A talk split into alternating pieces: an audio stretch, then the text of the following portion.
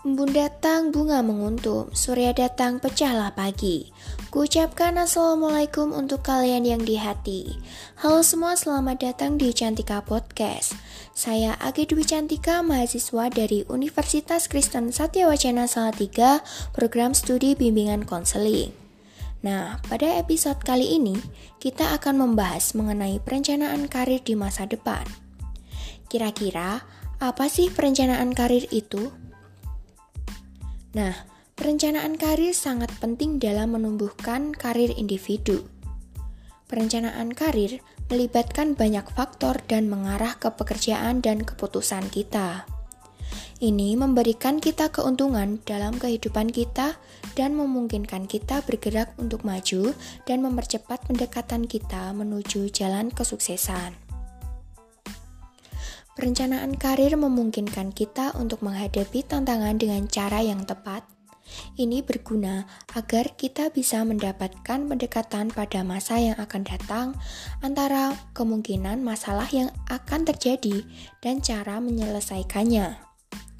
Tanpa perencanaan, kita tidak bisa memperkirakan tantangan yang akan datang dan tentu juga tidak dapat merencanakan langkah-langkah untuk mengatasinya. Ingat, karir dimulai dalam kehidupan praktis, di mana kita semua harus pergi di lapangan terbuka, memulai tugas kita, menghadapi tantangan, menghadapi orang-orang, memecahkan masalah dan kesulitan dalam lingkungan. Aspek lainnya adalah untuk memperluas pendekatan. Saat karir direncanakan, solusinya juga dapat diingat. Hal ini memungkinkan perencana untuk melihat dan memverifikasi banyak aspek tambahan selain hanya masalah. Ini memperluas pendekatan dan merupakan sumber, sumber belajar yang sangat efektif. Singkatnya, kita dapat mengatakan bahwa perencanaan adalah masa depan dan masa depan Anda dapat diamankan secara efektif jika perencanaan karir uh, yang teman-teman lakukan itu benar dan efisien. Nah, lalu bagaimana sih langkah-langkah dalam merencanakan karir? Sukses dalam berkarir biasanya dihubungkan dengan kesejahteraan. Sebagai seorang calon orang sukses, kita harus teliti dalam memilih perusahaan. Karena dalam dunia kerja, ada perusahaan yang dengan senang hati memikirkan karir karyawannya dan ada pula perusahaan yang hanya menguras tenaga karyawan tanpa memikirkan masa depannya. Setiap pekerja pasti menginginkan kesuksesan kan ya dalam berkarir Nah, namun kadang tidak paham bagaimana cara meraihnya. Padahal, masa depan adalah gambaran dari apa yang kita rencanakan dan akan kita lakukan nantinya. Jadi, untuk memudahkan perencanaan karir, berikut ini uh, saya mempunyai beberapa langkah-langkah yang dapat membantu teman-teman dalam membuat dan meraih perencanaan karir. Kita mulai saja ya. Yang pertama ada menyusun visi mulai sekarang yang bisa berawal dari impian. Visi ini bisa berawal dari mimpi yang ingin diraih. Merujuk pada ulasan Cambridge Dictionary, visi adalah pandangan masa depan. Jadi, jika ingin membuat visi, maka harus bisa membayangkan diri di masa yang akan mendatang. Misalnya, 5 10 tahun ke depan. Ini deh, jika masih jika teman-teman masih bingung bingung membuat visi, uh, coba teman-teman bisa mengikuti cara berikut ini. Yang pertama, tanyakan kepada diri Anda apa yang akan Anda inginkan di masa yang akan mendatang. Yang kedua, bayangkan akan menjadi apa diri Anda beberapa tahun ke depannya. Yang ketiga, jika masih susah membayangkan sampai 5 tahun atau 10 tahun ke depan, mulailah dengan visi yang kedua sampai 3 tahun.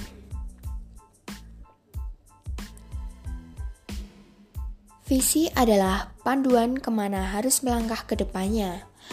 Anda harus jeli dalam membuat visi. Jangan seperti memilih pakaian yang akan digunakan hari ini yang bisa berganti-ganti pakaian. Visi harus spesifik dan perlu mengujinya apakah hal itu memang benar-benar yang Anda inginkan di masa mendatang. Visi bisa berganti, namun jangan sering yang berakibat tidak fokus atau bahkan gagal meraihnya. Yang kedua, mulai mengenali diri. Jangan fokus pada kelemahan. Pacu terus kekuatan kita. Memilih kekuatan dan kelemahan ini tidaklah gampang loh. Kadang orang lain lebih paham tentang kita akibat ego kita terhadap keinginan yang bukan di bidang di mana kita berbakat. Untuk bisa mengetahui kelebihan dan kekurangan yang kita miliki, secara objektif bisa meminta pendapat dari beberapa teman dekat kita. Catatlah hal-hal yang mereka ungkap mengenai kekuatan dan kelemahan yang ada pada diri kita. Walaupun pendapat teman yang Anda mintai masukan tadi tidak sesuai dengan keyakinan, tampung saja semuanya. Anda yang harus mengambil, mengambil peran lebih banyak untuk mengenal kekuatan dan kelemahan karena seharusnya Anda adalah orang yang paling mengerti diri. Langkah yang ketiga yaitu review pencapaian, pencapaian masa lalu. Pacu bidang yang sudah berhasil, jangan fokus pada kegagalan. Nah, dalam bekerja atau beraktivitas, jadikan keberhasilan demi keberhasilan sebagai sebuah kebiasaan yang membanggakan. Setiap ada kegagalan, evaluasi sejenak dan segera lupakan. Namun jika mempunyai keberhasilan, evaluasi menyeluruh agar bisa mengulanginya lagi di masa yang akan datang dengan lebih gemilang lagi. Untuk langkah yang keempat, yaitu fokus dan tingkatkan terus keterampilan yang dikuasai. Keterampilan biasanya sejalan dengan minat. Tak ada salahnya kan kita mencatat keterampilan yang kita kuasai untuk merencanakan masa depan yang lebih baik. Keterampilan tidak perlu banyak-banyak, yang penting ahli di satu bidang yang diminati. Misalnya nih, keterampilan menulis untuk pekerjaan reporter. Selain itu, kemampuan observasi, menginterview, menginvestigasi, menulis, mengedit, dan sebagainya. Dengan mencatat dan mengetahui keterampilan yang dikuasai, kita dapat menyesuaikan jenis pekerjaan yang berhubungan dengan keterampilan kita tersebut. Untuk langkah yang kelima, yaitu ikuti passion karena passion akan menunjang keterampilan sehingga bisa menjadi profesional dalam bekerja. Bekerja dengan passion akan membuat semakin produktif karena dengan passion Anda akan rela berkorban apa saja termasuk uang, waktu, dan tenaga. Passion akan memberikan kepuasan dan rasa bahagia yang tak bisa dibayar dengan apa pun juga. Hal ini berkebalikan juga jika posisi Anda bekerja pada bidang yang e, tidak Anda sukai. Daripada buang waktu percuma, ada baiknya mencari pekerjaan yang sesuai dengan passion agar hasil kerja juga lebih maksimal. Seperti itu. Nah, untuk langkah yang keenam, cermat membaca tren dan peluang karir di masa depan. Perkembangan karir yang pesat seperti saat ini disadari atau tidak telah menutup beberapa pekerjaan, sekaligus membuka kesempatan karir di bidang yang lain. Contoh saja nih, pekerjaan atau bidang yang terkait surat menyurat, fotografi, dan sejenisnya. Sebagai gantinya, kesempatan berkarya di bidang aplikasi Android dan transaksi berbasis online terbuka lebar. Untuk langkah yang ketujuh, membuat karir path yang terukur dengan metode SMART. Metode SMART yaitu spesifik, measurable, achievable, realistic, dan time bound banyak digunakan dalam perencanaan karir karena lebih spesifik, dapat dicapai, realistis, dan memiliki tenggat waktu dalam pencapaian tujuan. Anda bisa memulai metode tersebut dengan menentukan apa yang akan Anda lakukan beberapa tahun ke depan. Bisa saja dimulai dengan perencanaan setiap tahunnya, setiap enam bulan, dan bahkan goal setiap bulannya. Jangan lupa untuk tetap disiplin melakukan evaluasi. Setidaknya evaluasi pencapaian setiap bulan atau enam bulan untuk memilih karir yang Anda idamkan. Untuk langkah yang kedelapan, yaitu jalankan rencana karir yang sudah dibuat dengan disiplin dan bertanggung jawab. Banyak orang yang gagal karena tidak disiplin dalam menjalankan rencana yang sudah dibuat. Sebuah perencanaan yang matang dan detail tidak akan berarti apa-apa tanpa adanya eksekusi. Nah, dengan metode SMART yang saya sampaikan di uh, atasnya ini tadi, akan banyak membantu memberikan panduan bagaimana membuat sebuah perencanaan karir yang tepat. Untuk langkah yang kesembilan, yaitu demi menunjang tujuan yang ingin diraih, teman-teman harus meningkatkan keterampilan dan level pendidik pendidikan. Tak jarang rencana, rencana karir yang ingin diraih membutuhkan keterampilan yang memadai dan juga level pendidikan yang setara. Mau tidak mau, teman-teman harus lakukan ini. Meningkatkan keterampilan dan pendidikan juga bisa jadi media kita untuk memperluas wawasan, koneksi, dan peluang karir atau bisnis yang lebih baik lagi untuk ke depannya. Langkah yang terakhir yaitu lakukan evaluasi perencanaan karir secara berkala, bisa triwulan, semester, atau tahunan. Evaluasi rutin ini merupakan bagian penting dari sebuah perencanaan. Kegiatan evaluasi ini bertujuan untuk mengontrol dan memperbaiki hal-hal yang telah dilakukan, apakah sesuai di jalur perencanaan karir atau menyimpang. Di sisi lain, evaluasi rutin terhadap perencanaan karir juga bisa dijadikan sebagai metode yang efektif untuk mencapai tujuan karir secara berkala. Nah, teman-teman, kali ini saya akan menyampaikan juga rumus dalam memilih karir. Karir tertinggi puncak tidak dapat dicapai secara instan, melainkan harus dengan perencanaan yang lebih matang.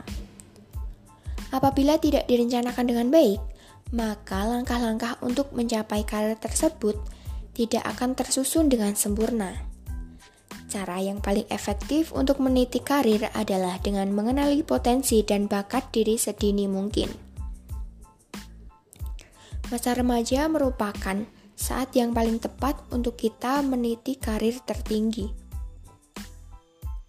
Dengan mengenal potensi dan bakat sejak dini, kita tidak hanya akan berhasil meniti karir tersebut dengan sempurna, melainkan juga menggapai dengan optimal.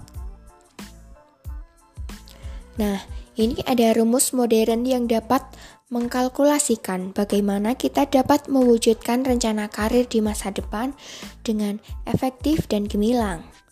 Rumus yang dimilikinya adalah sebagai berikut. Karir sama dengan T plus 2P plus E plus V47. Dalam rumus tersebut, Leider mengkategoris, mengkategorikan T sebagai talent atau bakat. Leider menyadak, menyatakan bahwa untuk mengetahui arah karir dan profesi yang cocok untuk kita jalani di masa depan, cobalah teman-teman mendeteksi apa saja kelebihan dan kelemahan yang kita miliki pada diri kita masing-masing. Hal ini menjadi penting karena dengan mendeteksi kelebihan dan kelemahan kita di masa remaja, kita akan dapat menyusun perencanaan karir dengan matang dan terhindar dari pekerjaan yang tidak sesuai dengan kelebihan dan bakat yang kita miliki. Nah, individu harus menyadari keadaan dirinya tentang kemampuan apa yang individu miliki dari jenis profesi atau pekerjaan apa yang akan individu raih. Jadi, untuk mendapatkan perencanaan karir yang sukses, individu harus memiliki bakat, minat, dan harapan yang tinggi bagi masa depannya. Nah, mungkin cukup segitu dulu ya teman-teman yang akan yang saya sampaikan. Nah, jadi intinya teman-teman jangan takut gagal ya. Ketika teman-teman semua menyiapkan segala perencanaan untuk karir di masa depan secara matang, pasti teman-teman akan sukses. Demikian topik yang saya sampaikan. Terima kasih telah mendengarkan Cantika Podcast. Siang hari makan kurcaci makan bareng sama Ibu Asih. Cukup sekian podcast kali ini, saya ucapkan terima kasih. Wabillahi taufik wal hidayah, wassalamualaikum warahmatullahi wabarakatuh. Sampai jumpa.